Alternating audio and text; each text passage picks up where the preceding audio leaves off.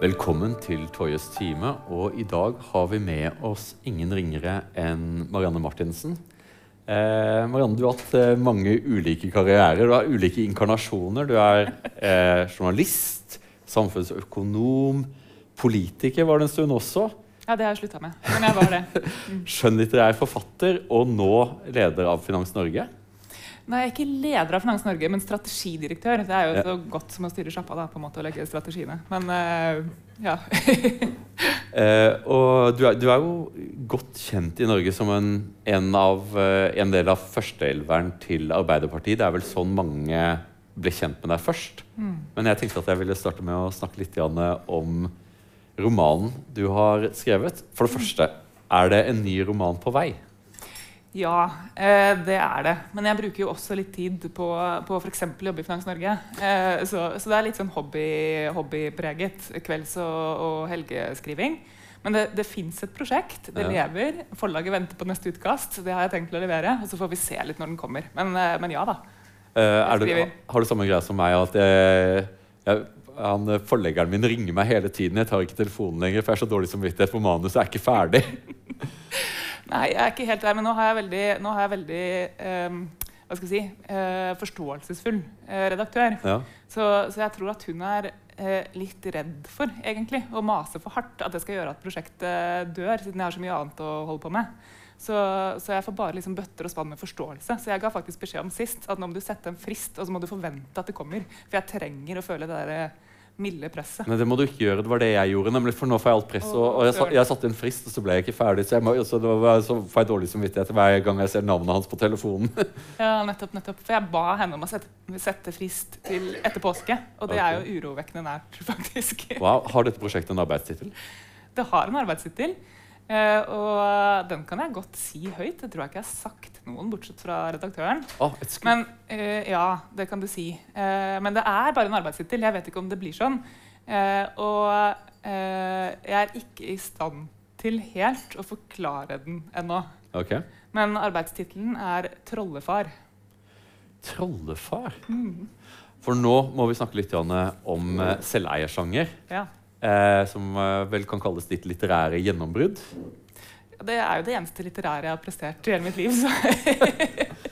Ja, men vi, eh, I Norge så er vi jo ikke, vi er jo ikke bortskjemte med intellektuelle politikere. Eh, altså intellektuelle i den forstand at eh, det er jo ikke så mange norske politikere som kunne skrevet en skjønnlitterær roman.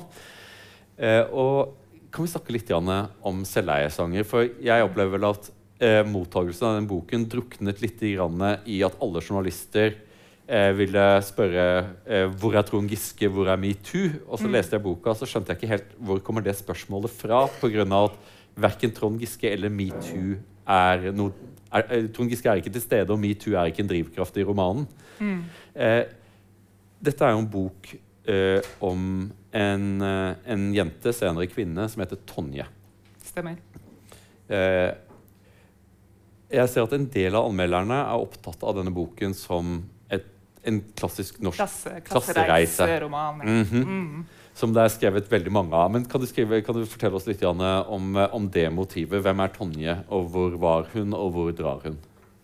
Altså, Tonje som figur eh, hun, eh, hun har altså Jeg vil ikke si en klassisk arbeiderklassebakgrunn. Det har hun ikke egentlig. Hun kommer fra noe litt sånn ansiktsløst. Eh, en mor som eh, ikke gjør noe særlig. Ja, hun spiser piller. Eh, ja, Hun tar i hvert fall noen sånne hodepinetabletter eh, som Tonje ikke får lov til å røre. De er for voksne. Akkurat hva de pillene er for noen ting, og hvor eh, liksom, omfattende dette misbruket er, det, det går ikke boka så veldig inn i. Jeg vokste opp på Sørlandet, så jeg har en mistanke om at det er valium. Ja, det kan godt hende. Sorry, unnskyld. Ja. Unnskyld til alle sørlendinger. Ja. Men, men det var viktig for meg å ikke gjøre Tonjes mor til en sånn tragisk figur, for Mm. det er hun ikke. Eh, men eh, et menneske som ikke hva skal jeg si, har, eh, alltid har ressursene til å være den morsfiguren eh, som Tonje burde ha. Eh, så hun, hun vokser opp og har med seg en form for bagasje som hun senere føler veldig på at, at hemmer henne da, i det som etter hvert blir hennes livsvei. For hun er smart, eh, briljant egentlig. Eh, og havner litt tilfeldig på Meteorologisk institutt eh, og blir eh, oseanograf. Mm. Gjør et, et ganske spektakulært forskningsgjennombrudd på et tidspunkt. Her kommer Russland inn i bildet. Dette var før invasjonen. og alt mulig. Etter okay. Krim, da skal sies, men, men før invasjonen. Så der lå jeg litt forut for min tid.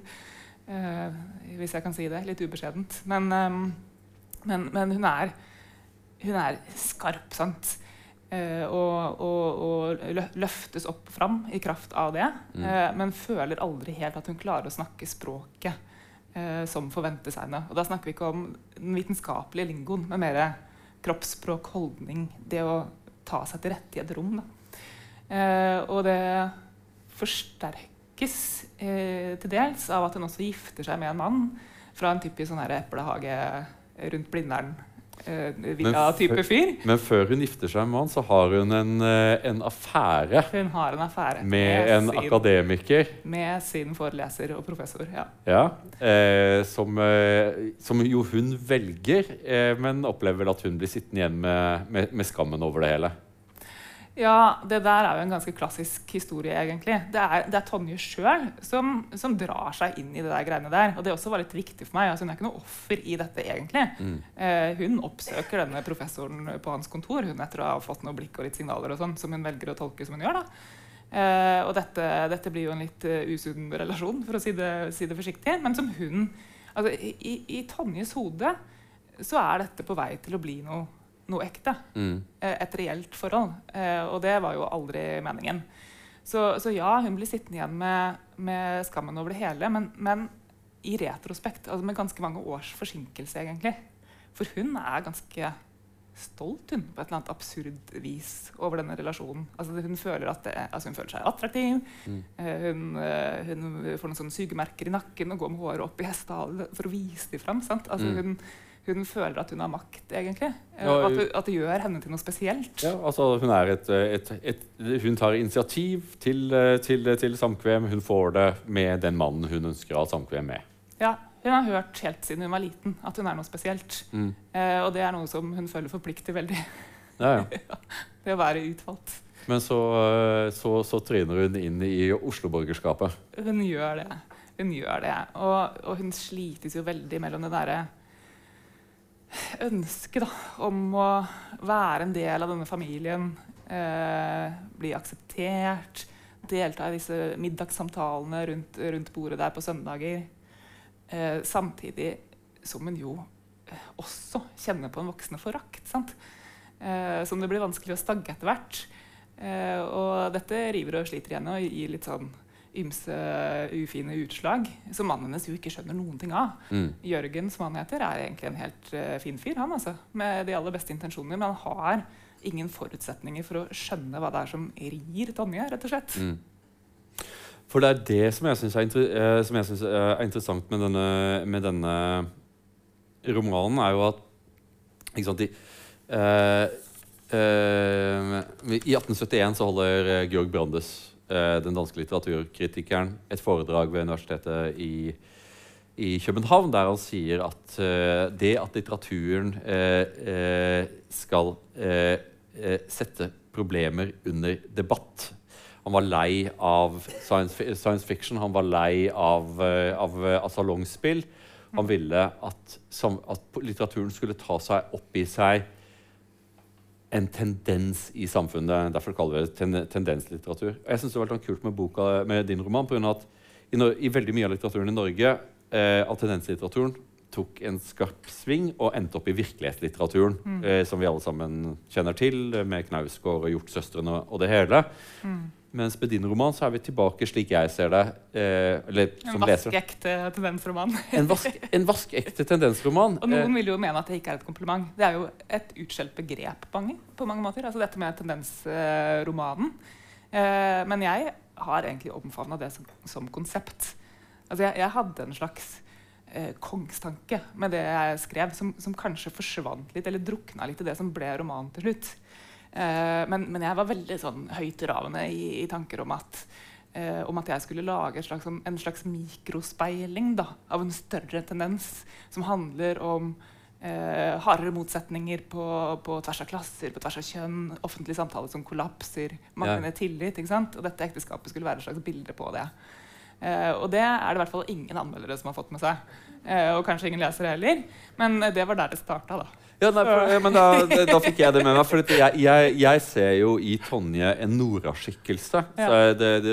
Kanskje enkelte kjenner til Et dukkehjem. Som er en Noen har hørt om det. ja, ja, ikke sant? Eh, Ibsens berømte skuespill. Som jo handler om en kvinne som bryter ut av et ekteskap hun ikke ønsker å være i. Men eh, hun er ikke eh, hun er ikke en, et, et ideelt menneske på noen som helst måte. På mange måter er hun ekstremt selvsentrert og blind for konsekvensene hennes handlinger har for andre. Eh, samtidig som at eh, ektemannen hennes er også en fyr som det er vanskelig å like. Eh, og det er jo noe som vi ser i, jeg mener å si, i din roman også, er at selv om, eh, selv om Tonjes ektemann hva, hva heter han? Jørgen. Selv om Jørgen mm. eh, ikke du gjør ikke det å å male han, gjør han til et monster som, banker, bare som drikker, drikker seg full og banker henne liksom for å gjøre det overtydelig på noe som helst. Hun er ikke et offer i dette ekteskapet, hun har valgt dette ekteskapet, men hun er ikke lykkelig i dette ekteskapet. Eh, og, henne, og, og, det, og det syns jeg er veldig sånn fint hvordan, hvordan du beskriver at på en måte så synes hun å, å være på flukt bort fra sin mors verden. Eh, jeg, jeg kommer fra en annen politisk demografi enn deg, så jeg kan, hun kommer jo fra trygdeklassen. ikke sant? Hun kommer fra den ikke-arbeidende arbeiderklassen, eh, som hun vil bort ifra. Hun vil arbeide, hun vil Samtidig som at erfaringen med det sosiale sjiktet hun har peilet seg mot, gjør at hun får en helt ny identitet og forkjærlighet for nettopp sin egen mor og, hvor, eh, og dette. Hun gjør det. Ja. Ja. Eh, og, og Tonjes mor får jo en form for oppreisning, egentlig, eh, mot slutten av boka. Uten at jeg skal si altfor mye om det, i tilfelle noen skulle få lyst til å lese den. Nei, vi, jeg vil anbefale alle sammen å lese den. For er, jeg, jeg syns at dette er en eh, det, det jeg tok ut av boken, var boken som tendensroman. Eh, og fikk meg til å tenke omkring disse tingene som er veldig vanskelig å diskutere i, Det er egentlig bare i litteraturen du kan diskutere noe ting som er så sammensatt som relasjonen mellom kjønnene. Eh, For det gjør seg ikke til det, det man får ikke, det er ikke lett å komme til entydige konklusjoner. For det er ikke slik at eh, mennene har skylda, eller kvinnene har skylda. Av og til så kan det være nyttig bare å nøste i hvorfor, hvorfor har vi så himla høye skilsmisserater i dette landet. Sant? Hvorfor er det så mange forhold som ikke fungerer? Og det er både struktur og, og, og individ, på sett og vis. Mm. Og jeg skrev først et utkast hvor Tonje og Jørgen klarte seg. Gjorde du det? Ja, Jeg gjorde det. Eh, men det funka ikke. Altså, det, det, det var ikke troverdig. Etter den, jo, men etter den reisen de hadde lagt ut på, måten dette kollapsa på eh, De når jo et slags, eh, slags eh, lavpunkt. Altså, Metoo er ingen drivkraft i denne romanen. Mm. Og, og ordet metoo er heller ikke nevnt. Mm. Men, men Tonje har jo med seg noen erfaringer fra sin eh, barndom. Ikke noen stygge, voldsomme overgrepshistorier, egentlig, men en nabo og Det var, liksom det var vel, et, det var vel et, over, et ganske grassat overgrep, egentlig? var det ikke det? Altså En nabo denne som blotter seg litt. Og, ja, altså det, det er jo ikke pent på ingen måte. Men det er ikke sånn at, at Tonje er et barn som har blitt notorisk misbrukt opp gjennom bar barndommen. Mm. Hun er ikke et ødelagt menneske. Hun ser ikke på seg selv som noe offer i det hele tatt. Mm. Men dette er en greie som hun har med seg. Eh, og, og, og når det eh, oppstår en en slags altså, kall det metoo-episode, hvis man eh, vil bruke det begrepet, i, eh, i nærheten av Tanja. Altså dette, dette har egentlig ikke noen ting med henne å gjøre, men med omgangskretsen til, til mannen hennes. Mm. Eh, så velger Jørgen som jurist å ta på seg forsvarerrollen i dette. Eh, det er ikke noe som skal til noen rettsinstans, men han hjelper denne vennen Mm. eh, med sitt offentlige forsvar. Mm. Eh, og det blir for Tonje utrolig vanskelig rett og slett, å forholde seg til. Eh, da, har de, da har de vært hva skal vi si, i en ganske bratt utforbakke en, en god stund. Så det, de er ikke på et godt sted når dette skjer. Eh, men men det at han velger å innta den posisjonen han gjør, er for henne så vanskelig å bære at det ender i et voldsomt utbrudd. Eh, hvor han eh, responderer på det eh, ved å be henne om å oppsøke psykolog. Og så plasserer det på hennes mentale helse, egentlig. da. Mm. Uh, og, og Da ble punkt- sur, da ble jeg sur gitt. ja, det ble, det ble ikke pent. Og fra det punktet så var det på en måte Jeg klarte ikke å redde dem. Jeg prøvde. er moro å skrive, men så da, For å vende tilbake til den virkelige verden, så eh, eh, det er en gigantisk metoo-sak under oppseiling. Eh, du blir anklaget for å ha tatt stilling i dette, og sågar at du har vært en av initiativtakerne til dette. Mm. Eh, og mens eh, Arbeiderpartiet er ivrig opptatt med mannjevning i full offentlighet, så sier Marianne Mar eh, Martinsen takk for meg. Ja, jeg gjorde det. Hvorfor gikk du ut av politikken? For du, du var jo en del av førsteelveren. og det er jeg tror at For enkelte her i salen så spør, spør, man seg hvordan kan en person som har investert så mye i politikken, og som har nådd opp til førsteelveren, og som kan forutsigbart forvente å få en taburett hvis, eh, hvis partiet kommer i regjering Hvorfor ville du ut av politikken? Du var fremdeles ung, fremdeles, eh, fremdeles skarp. Fremdeles, det, var ikke, ikke det faglige det skortet på. Jeg hadde ikke blitt for gammel, i hvert fall. Hvis nei. det var det du Nei, nei. nei, nei men, men, du, men, du, skjønner hva jeg mener, for det er enkelte som bare går tom eh, for, for eh, De klarer ikke å følge med lenger, liksom. Men det, du var jo ikke den kategorien. Nei da, det, det, var jeg ikke. Og dette, altså, dette, er ikke noen hemmelighet. At det, det oppgjøret der eh, bidro til at jeg til slutt valgte å si at dette, dette blir jeg ikke med på lenger. Eh, og for min del så handla det rett og slett om den posisjonen som jeg Eh, ble plassert i, vil jeg si. Ikke som jeg tok, men som jeg ble, ble plassert i. Og det eh, er ingen skyld, egentlig. Det var nok litt tilfeldigheter som gjorde at det ble sånn. Men eh, den kombinasjonen av at jeg først hadde hatt en ganske sånn åpen offentlig konflikt eh, med Trond Giske knytta mm. til fordeling av posisjoner og sånn, mm. eh, og så kom metoo-opprullingen ganske rett i kjølvannet av det. Ja. Eh, det gjorde jo at det derre maktkampnarrativet Eh, ble veldig knytta til eh, meg, egentlig, personlig. Mm. Eh, og hvor jeg følte at jeg fikk status som en form for mistenkt. Altså som et menneske som nærmest hadde egenhendig satt i, satt i gang eh, ja, som, en, som, som, en slags, ja, som en slags hevn, eller for å sikre min egen posisjon, eller ja, noe i den retningen. Og, og det gjorde jo at det ble veldig vanskelig for meg å ytre noen ting.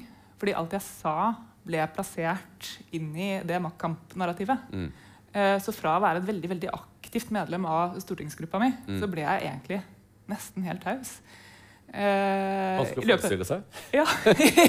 jo, jo, men det var, altså, det var, bare ikke rom for meg til å, til å mene og si noe. Eh, og det følte jeg etter hvert ble såpass håpløst at da tenkte jeg at nå nå må jeg finne et annet sted å være. En annen plattform. Nå, eh, nå, vet jeg ikke om du ønsker å svare, men jeg må spørre på vegne av alle oss her. Hva fanken var det som skjedde med Arbeiderpartiet? Eh, for mm. eh, det synes å være et parti som er i endeløs indre strid i full offentlighet. Og mm. Arbeiderpartiet pleide ikke å, eh, man pleide å ta sånt på bakrommet eh, før. Mm. Mens nå skjer skittentøyvasken i full offentlighet hver bidige gang. Og så virker det som at man ikke blir ferdig med saker. Hva er det som skjedde? Det er et veldig godt spørsmål. Eh, jeg tror kanskje forklaringen er å finne i sånne gamle seilskuteromaner. Som jeg ikke har lest så fryktelig mye av. Men jeg har med, sånn? jeg har snakket med eldre menn som har lest mye av de. Eh, og fortalt meg hva som skjer. Eh, og det er at, at når du har liksom, eh, vind i seilene, eh, og skuta går, eh, og folk er opptatt med arbeidsoppgavene sine, og liksom få dette her til å funke, eh, så, så, skjer det aldri mytteri. Altså Mytteriet skjer idet du, i det du mister framdriften. Eh, og For øvrig, dette er jo temaet i Jens Bjørneboes 'Haiene'. nettopp det. Er det det? Ja. Den har jeg ikke lest, og det burde jeg da åpenbart, åpenbart gjøre. Eh, og det er klart at Hvis du først har et mannskap som begynner å gå løs eh, på hverandre, så, så er det vanskelig å få den skuta opp i, opp i marsjfart igjen. Altså. Jeg skjønner det, Men hva skjedde med partidisiplinen? For det er jo noe som karakteriserer statsbærende partier. Ofte er at det er mindre at, er, at, man har en sterkere struktur og mm. sørger for at, eh, at, vi går i samme retning. selv om man, Du trenger, du trenger, du trenger ikke å like eh, nabomannen, men vi, vi, har et mm. felles prosjekt. Men det synes å være som at et eller annet har gått tapt der. Er det pga. at partiet har blitt mindre og blokkene trenges tettere på hverandre? Eller er, det, eh, eller er det et nytt mannskap som ikke er bærer av den samme kulturen som tidligere har, preget, har preget partiet? Jeg tror det kan være litt av begge deler. Mm. Eh, og at dette egentlig eh, var en tendens som lå der lenge, og som jeg ikke tror er unik for Arbeiderpartiet, men som handler rett og slett om eh, eh nye typer av politikere. Eh, at, at, det å gå inn i et politisk parti med hele sitt engasjement eh, ikke er like sterkt knytta til, til klasse og identitet som det en gang var. Eh, man velger det som en karrierevei mer. Eh, og det kan man jo ha ulike meninger om, hvor sunt, sunt, det er. Men jeg tror i hvert fall at det påvirker dynamikken i et parti. Da, mm. Og den der lojalitetsfølelsen, på godt og vondt, vil jeg si. Fordi at en sånn der fullstendig kaderkultur er jo heller ikke bra. Nei, nei. Eh, så liksom litt, litt, luft må du jo ha. Eh, litt sånn ja, drag gjennom vinduet. Men men, men det, det, der har vært en tendens lenge. Og så tror jeg nok Og dette er en subjektiv oppfatning, men at, at eh, den autoriteten da, som ligger i et parti, kanskje mista litt legitimiteten sin gjennom det oppgjøret vi hadde.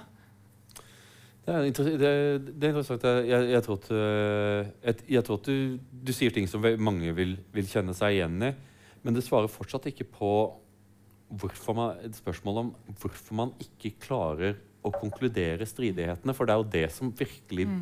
tømmer Arbeiderpartiet for blod. Er ikke det at man har et skarpt oppgjør mellom høyre-siden og venstresiden? At man har en tøff fight over, over metoo? Hva, hva, hva, er forskjellen på et oversjekking og hva er forskjellen på overgrep? Fine mm. debatter å ha. Men det at man ikke klarer å bilegge det, hva er grunnen til det? Det kan jeg egentlig ikke svare på. Altså, jeg, jeg, jeg vet ærlig talt ikke hva som er årsaken til at dette stadig virvles opp og får ny energi. Eh, noen ganger så lurer jeg litt på om, om eh, noen har en egen interesse av det, på en måte, eller at eh, dette har pågått så lenge nå at, at, det har satt seg mønster at det nærmest har blitt en slags levevei eller en hobby. å drive den type interne stridigheter. Da. Det er jo et spill du lærer deg på et vis, en måte å leve på som blir normalisert over tid. Kanskje. Men, men jeg syns nå som utenforstående, for det har jeg overraskende fort blitt, at det er vanskelig å svare på hvorfor Arbeiderpartiet ikke klarer å legge disse tingene, tingene døde. Uh, når, det gjaldt, når det gjaldt kulturoppgjøret vi hadde, så tenkte jeg på et tidspunkt at løsningen på dette for at partiet skal komme seg videre, er at noen må gi seg. Altså Noen må rett og slett bare backe ut. og det kan jeg godt gjøre. Og det har jo mange gjort med meg. Mm. men, men så ble det jo ikke stille av den grunn. De gjorde jo ikke det.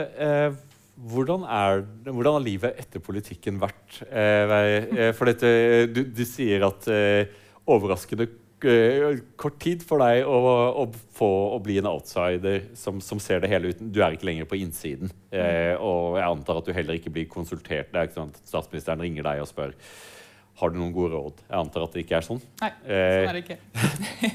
det var synd, men Eh, hva, hva, er det fine med å ikke være politiker lenger? Dette høres kanskje litt rart ut, men jeg føler på mange måter at jeg har fått tilbake friheten til å ytre meg som jeg vil. Oi. Eh, og, det, og, det, er overraskende for meg at jeg kjenner på det så sterkt. Fordi, uh, fordi eh, altså det som holder et parti gående, det som er drivstoffet i det politiske systemet, er jo meningsbrytning. ikke sant? Men, men, det som også følger med det å få stadig mer ansvar, det å få stadig tyngre posisjoner, det å kunne uttale seg, representere hele partiet, da, egentlig, eh, det er jo at eh, det rommet du har for å uttale deg, blir smalere og smalere. Og det er egentlig veldig naturlig, i hvert fall i et så bredt parti som det Arbeiderpartiet er. Eh, hvor kompromissene er mange og ofte ganske skjøre.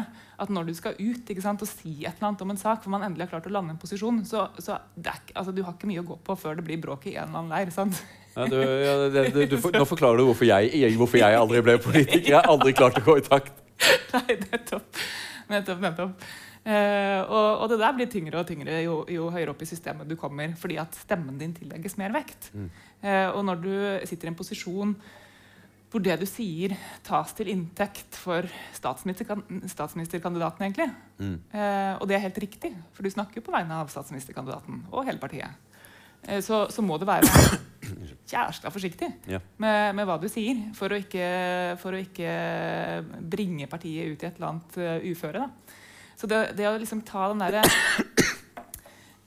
litt avslappa inngangen til en samtale hvor jeg ikke har bestemt meg på forhånd. Mm. Eh, og hvor jeg ikke veit helt hvor jeg kommer til å lande. Hvor jeg kanskje ikke lander i det hele tatt. Og hvor jeg er åpen for ulike argumenter. Eh, og kan reflektere fritt, og til og med kanskje framstå som en tenkende menneske på en god dag. Ja. Eh, det syns jeg er veldig deilig. Ja, men, men, men, men, la, oss, la, la oss følge den tanken på grunn av at er det slik at den type eh, kommunikasjonsrådgivergodkjente eh, opplesing av, eh, av, av teksten er det god politisk kommunikasjon? For jeg tror ikke at det er det. Nei, jeg tror heller ikke at det er det. Jeg tror folk blir ordentlig lei.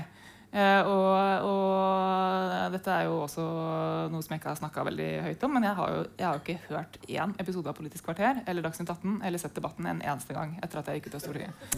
Jeg orker det bare ikke. Altså, det er ikke en kommunikasjonsform som foregår, eller som, som fungerer overfor meg, da, som, som nå et menig menneske. Eh, så, så, nei, jeg tror ikke at det funker. Eh, jeg tror også at partiene til en viss grad ser det. Eh, og føle på det. Jeg tror ikke jeg er den eneste politikeren som har sittet i en, sittet i en posisjon og representert i et radiostudio og følt på at nå høres jeg dum ut. Altså nå, men jeg har, jeg har, ikke rom for å, for å imøtegå min samtalepartner. Ja, altså, jeg, jeg, tenker jo Som, som lytter så, så jeg, når, når, når du, du, kan høre når en politiker kommer på sporet. Mm. Spørsmålet er stilt, politikeren tar og gjør et par finter, og så kommer man seg på sporet. Er, og du kan høre at dette er ting som Marianne har sagt minst 100 ganger før. Ja. Uh, og, og det er verre for meg enn for deg. vet du. Ja, ja sikkert. For, dette, jeg, jeg, jeg, forestiller meg at, eh, at, du i ditt indre liv er vandrer langs en strand eller et, et, et, og liksom å tenke på noe annet mens bare skravla går. For dette her er bare men, men, det var også vanskelig for deg eh, å, å, være den personen? Ja, jeg syns det. Og i økende grad. Du kunne bare skru av når du ble lei av meg. da. Eh, så, så, det var en fordel som du, som du hadde. Men, eh, men, tilbake til spørsmålet ditt. Nei, Jeg tror ikke det er god kommunikasjon. Jeg tror folk blir lei av det. Jeg tror folk eh, lengter etter eh, mer reflekterte debatter. Eh, hvor det er rom for, for både tvil og lengre resonnementer. Eh, men at og nå kommer jeg til å høres gammel ut, men at den nye medievirkeligheten mm -hmm. eh, har, har, vanskeliggjort det. Altså at det er så mye støy at det krever på mange, kreves på mange måter av partiene at de i større grad går i takt hvis et eller annet budskap skal ha mulighet til å hva skal jeg si, eh, trenge gjennom lydmuren i det hele tatt. I hvert fall så, så er det en analyse da, som, som kommunikasjonsfolkene i partiene i stor grad har. Eh, og det preger måten man innrette kommunikasjonen på. Men tilfredsstillende er det ikke. Og, og jeg ble, ble tidvis eh, eh, nesten helt eh, sprø av det. At alt skulle inn på disse veldig korte formatene. Ja, for vi ser jo at Du er jo ikke den eneste av din generasjon som forlater politikken litt overraskende. Vi, Unnskyld, videre, Torbjørn Røe Isaksen her en annen. Mm. Er det et problem for norske demokrati, dette? Unnskyld det er noe veldig usjarmerende uh, ved å sitte og antyde at min egen avgang på en måte er et problem for demokratiet i Norge. Uh. jeg, jeg, mente det, jeg, mente det, ikke på den måten, men jeg ser at det gøy. Ja. ja. Samler du deg selv? ja, nei, på ingen måte. Men, men jeg, jeg, skjønner hvor du vil hen med spørsmålet. Uh, og, og jeg skal prøve å svare litt nyansert på det. For det er så enkelt å si ja, dette er et kjempestort problem. Eh, du får, du får, helt andre typer politikere i denne nye medievirkeligheten. Da, eller denne nye måten politikken fungerer på. Um, men, jeg, men jeg, jeg, tror at uh, det vi i stor grad får som et resultat av det her, er en slags vridning. Eller hvis man ser for seg det politiske landskapet da, ikke, altså hvor man ikke deler inn politikere basert på, på partitilhørighet, men mer sånn politisk legning. Mm. Hvor du har ombudsmannen han Se ser for deg Jan Bøhler liksom, nedpå mm. ned på bakken i Groruddalen. Eh, som det ene ytterpunktet. Og Finn Lied som det andre ytterpunktet. Samfunnsplanleggerrollen. Mm. ikke sant? Eh, så er det min påstand kanskje, at den samfunnsplanleggerrollen, altså en politiker som har den type legning og orienterer seg i den retning, har dårligere kår nå enn det man hadde før. Mm. Eh, sånn at du får en sterkere overvekt av denne ombudsmannsrollen, som jo er en viktig rolle. Mm. Altså jeg, det, dette er noe jeg virkelig beundrer Jan Bøhler for. At han var jo i stand til å gå ut han blant folk. Jeg har aldri klart det. Jeg. Gå ut og snakke med folk på butikken og lage politikk ut av det jeg hører. Gå tilbake ja. til Stortinget og fremme forslag om delingsforbud i borettslag. Fordi det er et problem at det blir så tettbodd der. Ja, ja. Eh, så dritviktig. sant? Men, men eh, eh, når, når det der blir helt ubalansert, og du mister de som har en hang til å låse seg inne på kontoret og finne på de ti, ti oljebud, f.eks., så, så tror jeg at det, hva skal jeg si, måten politikk blir til på, eh, svekkes av det. Jeg tror man trenger en balanse. da. Ja, for det, det med demokrati det, for det er, jo sånn, det er jo alle debatter som er demokrati er truet. Men liksom bare forklare hva jeg mener med demokrati er truet. Det jeg mener å se i en del land, er at du får et ganske innadvendt politisk miljø. Eh, styrt av kommunikasjonsrådgivere som utvikler en kommu politisk kommunikasjon som ikke appellerer til velgerne i det hele tatt. Og åpner opp hele spillerommet for populister og demagoger. Man, Man, man bare gir for mye plass til en person som kan klare å si noen ting som treffer deg i hjertet. Eh, jeg har en venn av meg som skriver politiske taler eh, eh, for, eh, for, eh, for, for ministre. Eh, og så han, liksom, han bestreber, trodde at han skulle skrive gode politiske taler, gode kommuniserende politiske taler. Skal det holdes en tale på Romerike, så skal snakke litt om Romerike, litt om Romerikes historie, litt om løftet. ikke sant?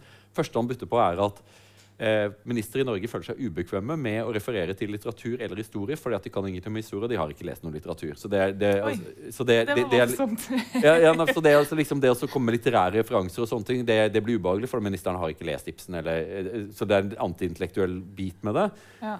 Og så andre er at liksom, talen er skrevet, og den er god. Og, den, og så kommer da eh, så kommer først da departementet, og så kommer kommunikasjonsrådgiverne. Alle sammen går gjennom dette, og det som kommer tilbake, er en tale som er så nyansert at du kan få vondt av det, og som ikke kommuniserer i det hele tatt, og som deretter blir lest opp av, av en ganske robotaktig minister. Og hva fanken var vitsen med å dra til Romerike da, liksom?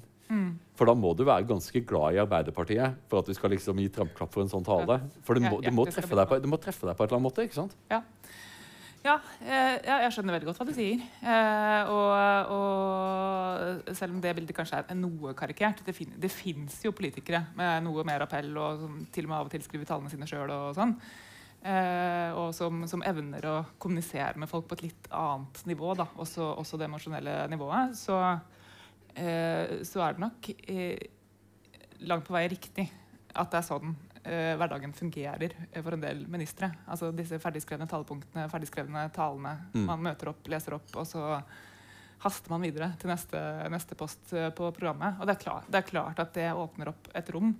Eh, og, og denne ombudsmannen, da, som jeg respektfullt omtalte han som, Mm. eh, vil jo på sitt verste tippe over til å bli en form for populist. Mm. Eh, på samme måte som denne samfunnsplanleggeren, som jeg også har stor respekt for, på sitt verste blir en sånn virkelighetsfjern eh, skrivebordsteoretiker som eh, overhodet ikke har noe forankring da, med Mm. det folket vedkommende egentlig er satt til å tjene. For Hvis vi ser på demokratier som kan minne vårt eget, f.eks. i Nederland, da, så Mm. ser du at eh, de sosialdemokratene klapper sammen. Det gjør også de konservative. Resultatet at man får veldig mange partier i parlamentet som klynger seg rundt 4 mm. Og hvor da en person som Thierry Baudet, som er en høyrepopulist, eh, går opp til å bli det største partiet i landet pga. at han er forbanna god på YouTube. Han er litt frekk, han er litt vittig, eh, han, har, han, er, han er hardtslående og Har han vært på Kompani Lauritzen?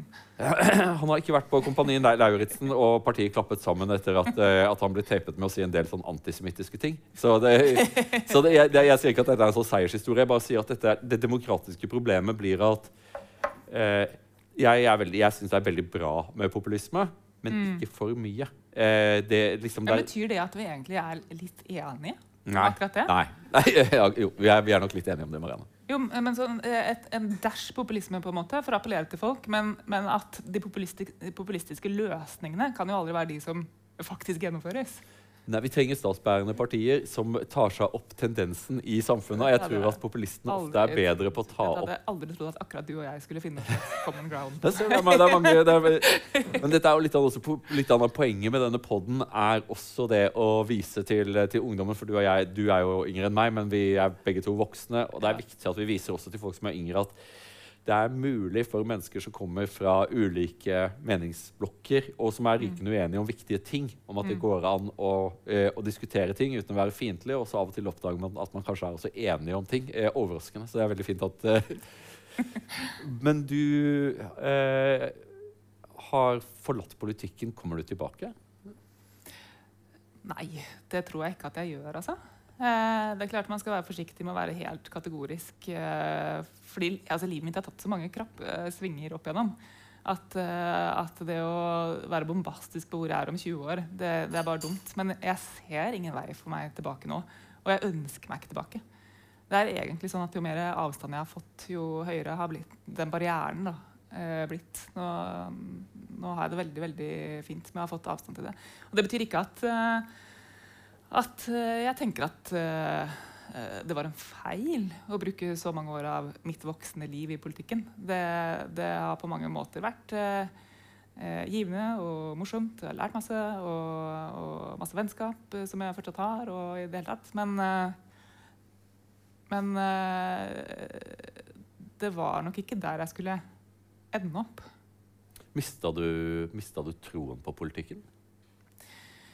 Eh, det er et stort spørsmål. Eh, og eh, for å starte med å slå fast det åpenbare Jeg mista jo ikke troen på det politiske systemet som sådan. Jeg mista ikke troen på demokratiet. men det jeg nok mista troen på i den spesifikke situasjonen som jeg sto i, det var min egen påvirkningskraft. At, jeg kan gjøre noen ting her. og da ble det for meg da, som er utdanna økonom, en ren sånn kost-nytte-vurdering. Hvor mye skal jeg legge inn i dette nå, eh, når jeg egentlig ikke har noen tro på at det jeg gjør, kommer til å ha noen effekt? Ja, for Dette er et så utrolig viktig poeng, og det er så, det er så utrolig vanskelig å snakke om. Max Weber snakker om hva han kaller rasjonalitetens jernbur, som er et bilde på individet som, står, som låses inne i et system som han selv har skapt, og som mm. han står maktesløs ovenfor.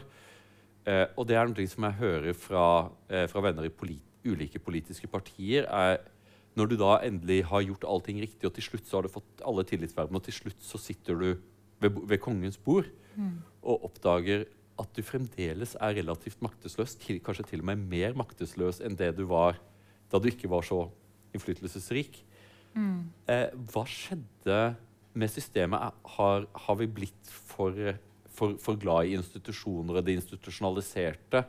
Er det, er det, ikke tilstrekkelig rom for den individuelle impuls og det, og det individets intellekt? og det liksom, at, at, lederne får lede litt også? Eh, altså jeg, jeg, har jo en grunnleggende tro på institusjonene. da. Eh, og der, der, møtes vi kanskje ikke helt.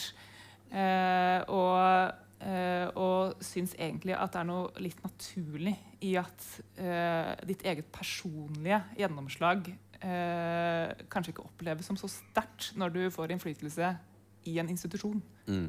Eh, som en av mange. Men at, at gjennomslagskraften ligger i, eh, i det institusjonelle.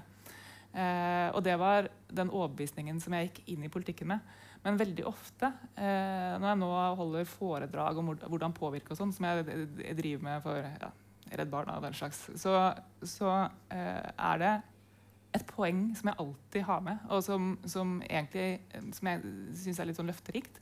Eh, og det er at eh, det var kraften i det personlige engasjementet som overraska meg mest som politiker. Altså, det er kanskje den lærdommen jeg, som sitter, sitter, aller hardest igjen hos meg, til tross for det jeg akkurat har sagt om min egen følelse av maktesløshet i denne spesifikke situasjonen. Eh, så, så, er det eh, opplevelsen av hva et enkelt menneske kan gjøre i det systemet hvis vedkommende bare bestemmer seg, som har gjort størst inntrykk. Ja, bare for å kvittere ut også, jeg, jeg, tror også på institusjoner. Jeg bare mener at Norge er fullstendig overinstitusjonalisert. Problemet er ikke institusjonene, det er bare at det er altfor mange av dem. Eh, og at krysspresset mellom institusjonene skaper for lite rom for politikken. Og jeg ville si at vi ender opp med at de folkevalgte blir administrasjonens representanter overfor folket. Og det var ment å være om, omvendt. Var, mm. Dere var ment å være våre representanter overfor administrasjonen, skulle i administrasjonen, statsadministrasjonen retning. Men jeg, jeg synes å se stadig oftere at statsråder, med mindre de er veldig erfarne og, eller har veldig sterke personligheter, ender opp med å bli satt under administrasjon av sitt eget byråkrati og bli sett paradert ut som, et, som, et, som et, nesten som en gisselvideo der de leser opp eh, talen de har fått av sin taleskriver med skjelvende stemme. Ja. Ja, nei, jeg skjønner hva de sier. Jeg har problematisert noe av det samme, men da har det vært maktbalansen mellom regjering og storting jeg egentlig har vært opptatt av. Ja. At det folkevalgte leddet eh, er svekka, etter min eh, mening. Eh, og så har jeg prøvd å diagnostisere og holde på å tenke rundt hva det kan skyldes. Eh, og, og, har landa på et resonnement som går omtrent som følger. Og det er at en mer kompleks verden har gjort det informasjonsovertaket som det utøvende leddet eh, har, så stort at det folkevalgte leddet, uten noe særlig ressurser tilgjengelig, egentlig blir satt sjakkmatt. Men hva med, hva med, hva med talentene? Fordi denne metoo-saken Jeg skal ikke ha så veldig mye mening om det indre livet i Arbeiderpartiet, eh, men det ser ut som at eh, det som kunne ha vært en veldig sånn fin og nødvendig eh, opprenskning i en ukultur som har vært i deler av partiet, virker som at det har avskrekket mange talenter fra å være i politikken. Og det virker som at det er ikke bare Arbeiderpartiet som sliter litt med talenttilgangen. Da. Altså da de folkene som både har viljen og evnen og utdannelsen og det hele som skal til for uh, å fylle disse postene. Det blir færre av dem. På 90-tallet var det sånn det var jo det Arbeiderpartiet var fryktet pga. at Arbeiderpartiet hadde bare et sånt AUF var bare en sånn talentfabrikk som ingen andre partier kunne måle seg med.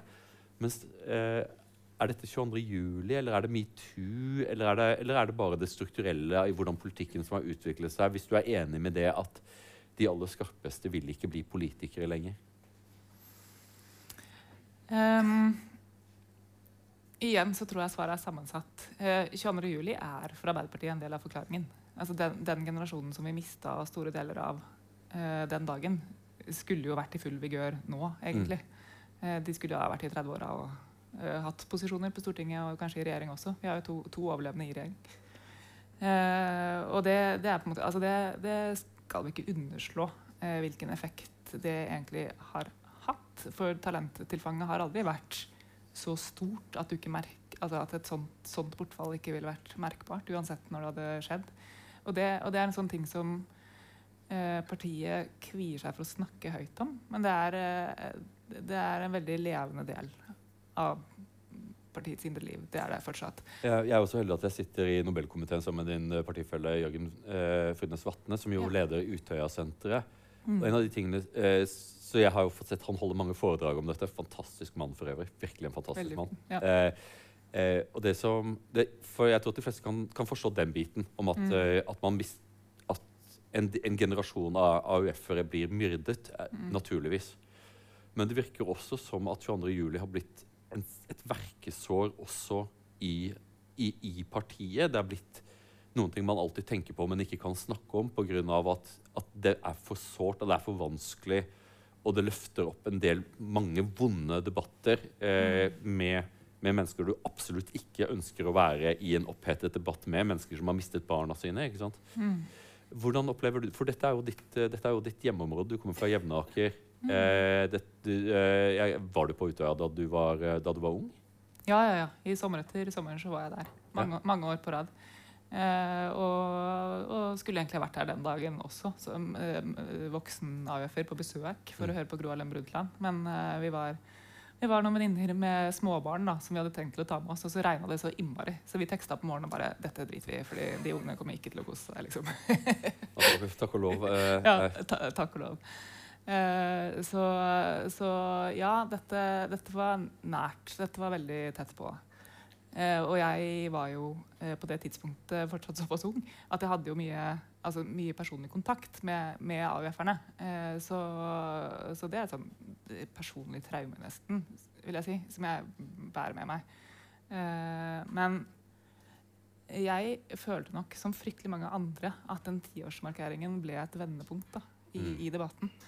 Eh, hvor det plutselig var lov å diskutere eh, de politiske konsekvensene av 22. juli. Eh, og, og det manglende oppgjøret, egentlig, etter 22. juli. Og åh, sinne. det manglende oppgjøret med hvem?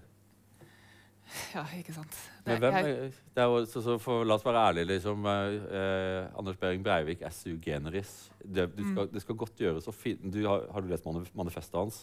Nei, jeg orker ikke. Det er jo, det, ja, men, som idéhistorisk så er dette bisart. Eh, det, Pga. at han skjærer på tvers av så mange konfliktlinjer på høyresiden at han ender opp med å være i en, i en politisk demografi der det er bare han.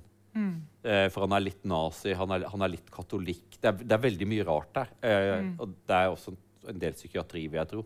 Det vil jeg også tro. Så, for det, jeg ser jo at Arbeiderpartiet på ulike tider har liksom, og statsministeren også har, liksom, har sagt nå skal vi ta oppgjøret.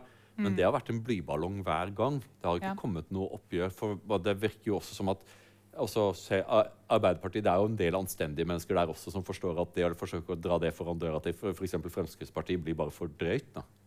Ja, og det tror jeg det er veldig få som mener at Ja. man skulle ha gjort. egentlig. Ja. Det er et ytterliggående standpunkt, vil jeg si, Ja. Å mene, mene det. Eh, og det er et kjempegodt spørsmål. ikke sant? Mot hvem?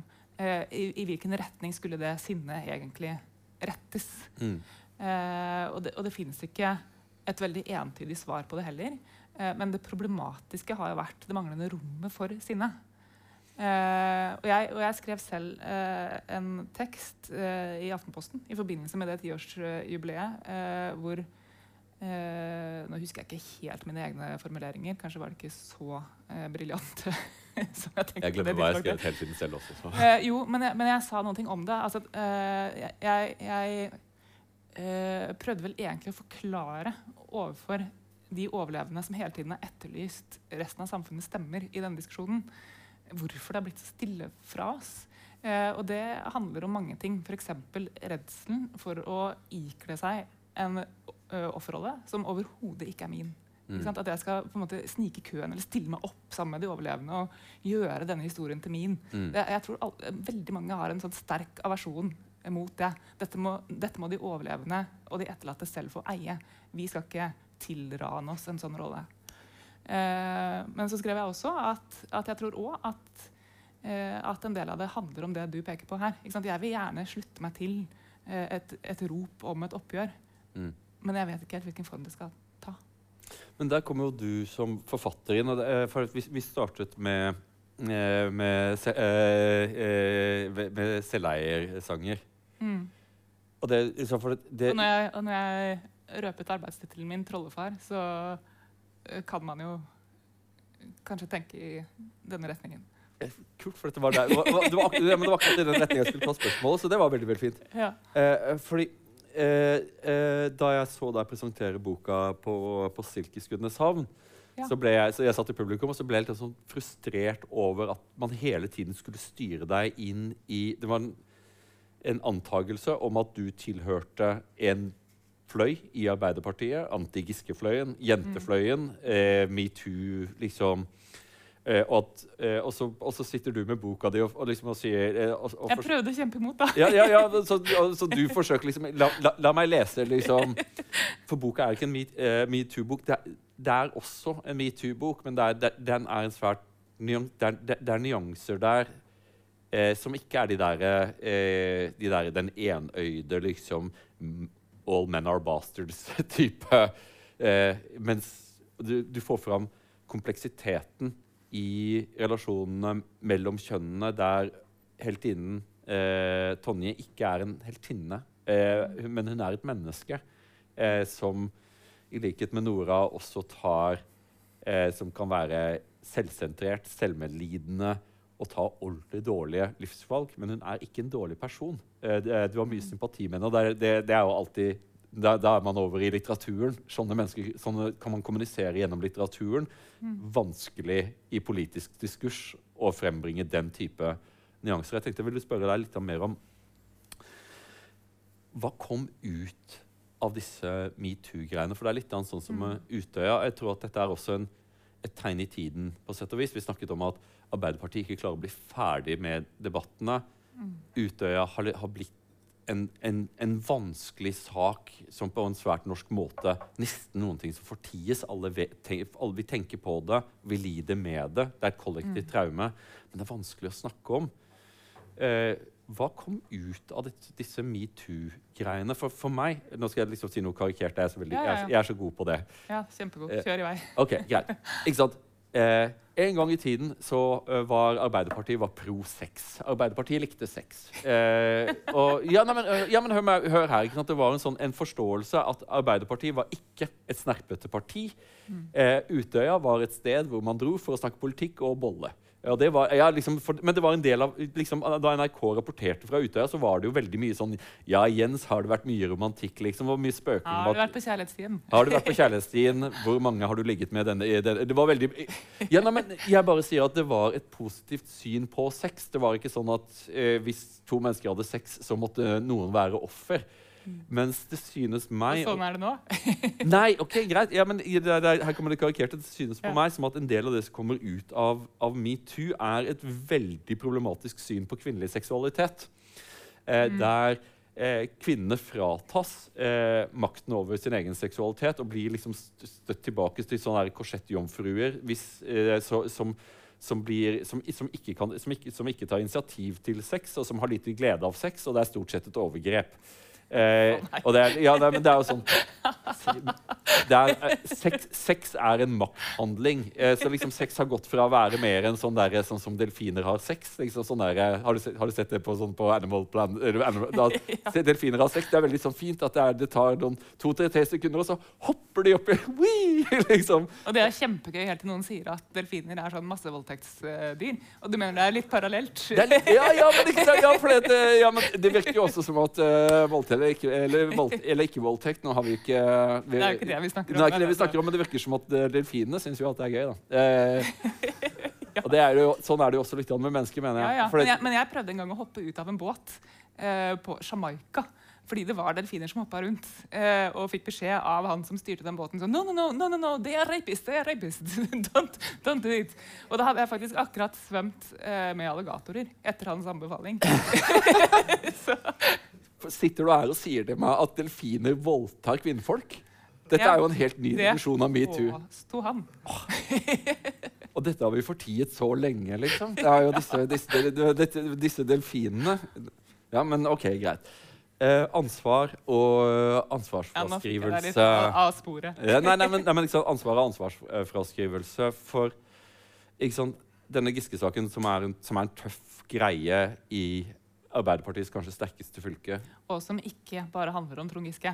Sant? Det Det, er, det er ganske om- viktig å få sagt. Nei, nei, Men om en uh, mer generell ukultur. ja, En generell ukultur. og La oss, la oss, la oss ta Trond Giske ut av regnestykket. Ja, han er ikke til stede, og kan ikke forsvare seg, så la oss ikke snakke så mye om Trond. Men eh, hvordan ser du eh, For du skriver om dette i boka. Jeg synes det er litt sånn fint, dette med det å ta ansvar for sin egen seksualitet. Mm. Mener du hvordan ser du dette i forhold til, til metoo-saken? For det, Der jeg startet, det ble en veldig kronglete måte å stille spørsmålet på. Men for meg så har det endt litt opp med at, at den rollen som enkelte kvinner ser på kvinnen som kvinnen som ansvarsfri, eh, ansvar, totalt ansvarsfri når det gjelder sex. Eh, at det er, det er mannen som tar initiativ til sex, det er mannen som har skylden. Det var den, eh, Hilde eh, Rød Larsen skrev en, en roman der hun, har, hun oppsøker en psykiater. Hun er helt åpen om det. Eh, hun ønsker å ha sex med psykiater. Hun har sex med psykiater. Senere, eh, mye senere kommer hun fram til at hun ikke vil sitte igjen med skylda. Eh, og det er litt sånn rart for meg som vokste opp på 80-tallet, for det var aldri liksom noe sånn der kommunisert at, at noen måtte ha skylda etter at man hadde sex. Hvis begge to, hvis begge to ville ha sex, så, så trengte man ikke å fordele skylda i etterkant. da. Eh, eventuelt så måtte noen på Olaføya-klinikken, men, eh, men det var noe, noe litt annet. da. Eh, hvordan ser du dette funker for kvinner? For det er en sånn gryende debatt, men i min lær på, fra konservativ side, som, som ser på at dette her er noe som tar fra kvinner makt. Eh, denne denne metoo-greia. Gjennom å søke, det å være ansvarsfri gjør, gjør deg også maktesløs. Ja, et komplekst spørsmål, vil jeg si. Altså, eh, for det første så har jeg, jeg har et klart inntrykk av at, eh, det fortsatt er mye eh, glad sex i Arbeiderpartiet. Eh, Det var, det var godt å høre. Det er, mye- det er, bare basert på sånne enkle observasjoner. det er avkreftet her at det ikke er gladsex i Arbeiderpartiet. Det er fremdeles gladsex i Det er Arbeiderpartiet. fremdeles mye gladsex inntrykk Det er av. i godt å høre, Arbeiderpartiet. Det kommer barn ut av det og alt, og det er mye fryd og gammen sånn sett. Um, når, det gjelder uh, selve metoo-oppgjøret i partiet, så mener jeg at det uh, var helt nødvendig. Uh, fordi det hadde utvikla seg en kultur over tid som jeg ikke skal gå langt inn i å beskrive liksom, detaljene i. Mm. Uh, men uh, men uh, hvor det hadde blitt strukturelt, da, for å bruke et ord som kanskje trigger deg litt. Mhm. Ja. Jeg kjenner at, jeg, jeg, jeg, kjenner at nakkehårene reiser seg. Men, men ja, fortsett ja å jeg, snakke. jeg sa det med vilje.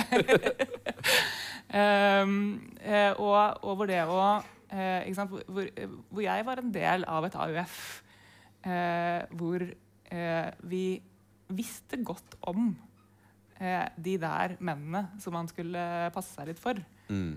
Eh, og hvor det aldri på noe tidspunkt falt oss inn å plassere ansvar for det der hvor det hørte, hørte hjemme. Vi sa aldri fra til noen voksne. Det burde vi jo pokker meg ha gjort. ikke sant? Mm.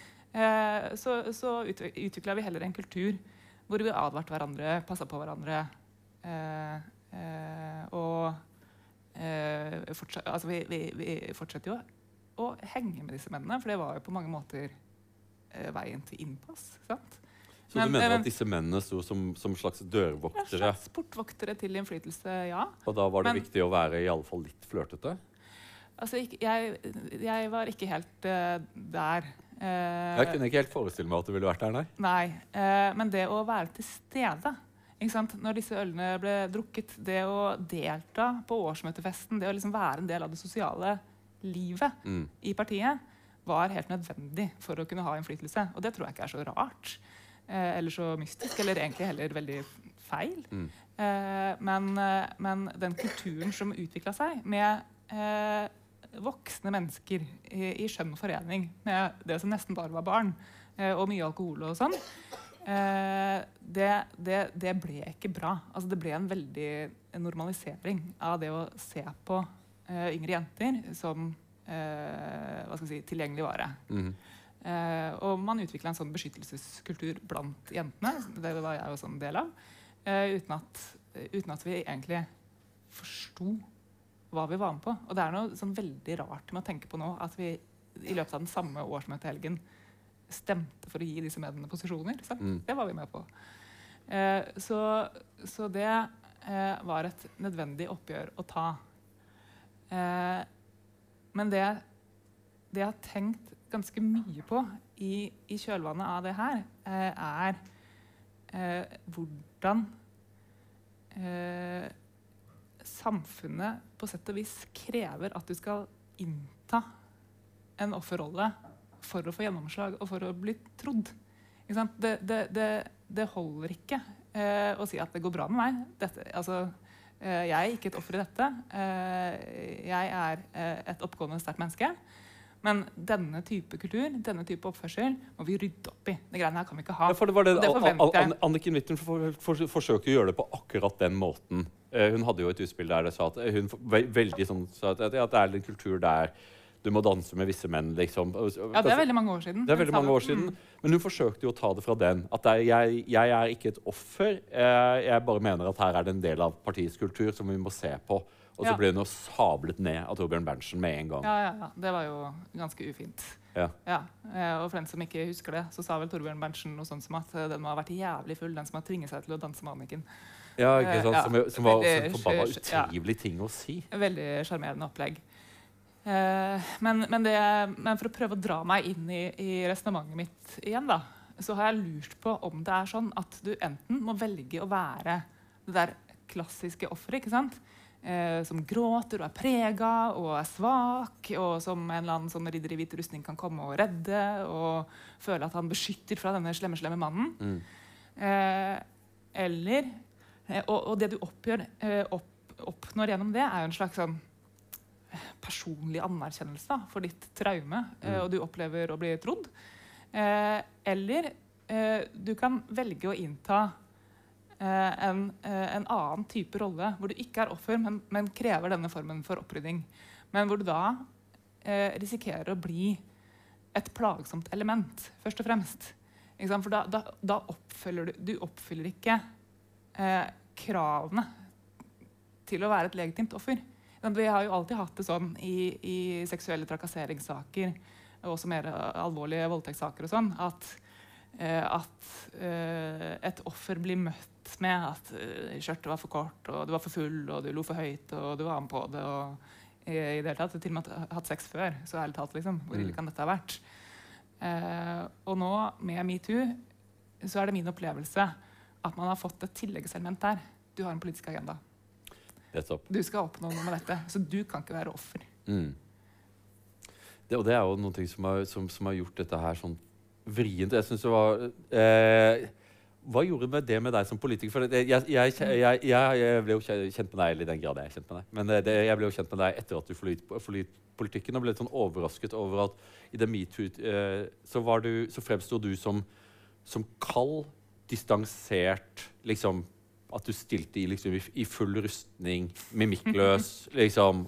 Eh, veldig, eh, kommuniserte at 'jeg er et menneske, jeg er verken kvinne eller, kvinne eller mann'. Det er liksom veldig, At du, du var ganske tydelig på det. Altså, så jeg opplever deg som å være et varmt menneske. Eh, hvordan eh, er det en del av det at du, du valgte å gå ut av det, at du kan få lov til å være mer bare deg selv? Det er i hvert fall en konsekvens av det. Ja. Eh, som jeg syns er eh, befriende.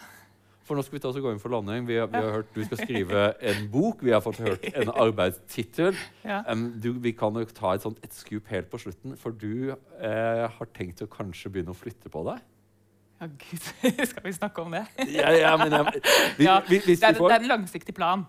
En langsiktig plan. Men, eh, men eh, ja, altså, jeg, jeg kommer nok på sikt til å bli vestlending. Altså. Vestlending! Ja, Så fantastisk! ja. Det, vi får se hvordan denne planen utspiller seg. Men, men uh, mannen min og jeg har gått til anskaffelse av et nedlagt fiskebruk på Bømlo. På Bømlo! ja. Fantastisk. Bømlo. Så, så vi får se hva livet bringer. Men at, uh, men at vi over tid uh, ender opp der, og at, at det kanskje er fiskebonde og forfatter jeg blir til slutt. Det kan hende. Det blir stor litteratur ut av sånt. Ja, vi får se. vi får se. Marianne Martinsen, det har vært en glede å ha deg her på, på Toyes time. Jeg tror at jeg taler på vegne av alle her i publikum om at det har vært veldig givende. Stor runde med applaus for Marianne Martinsen.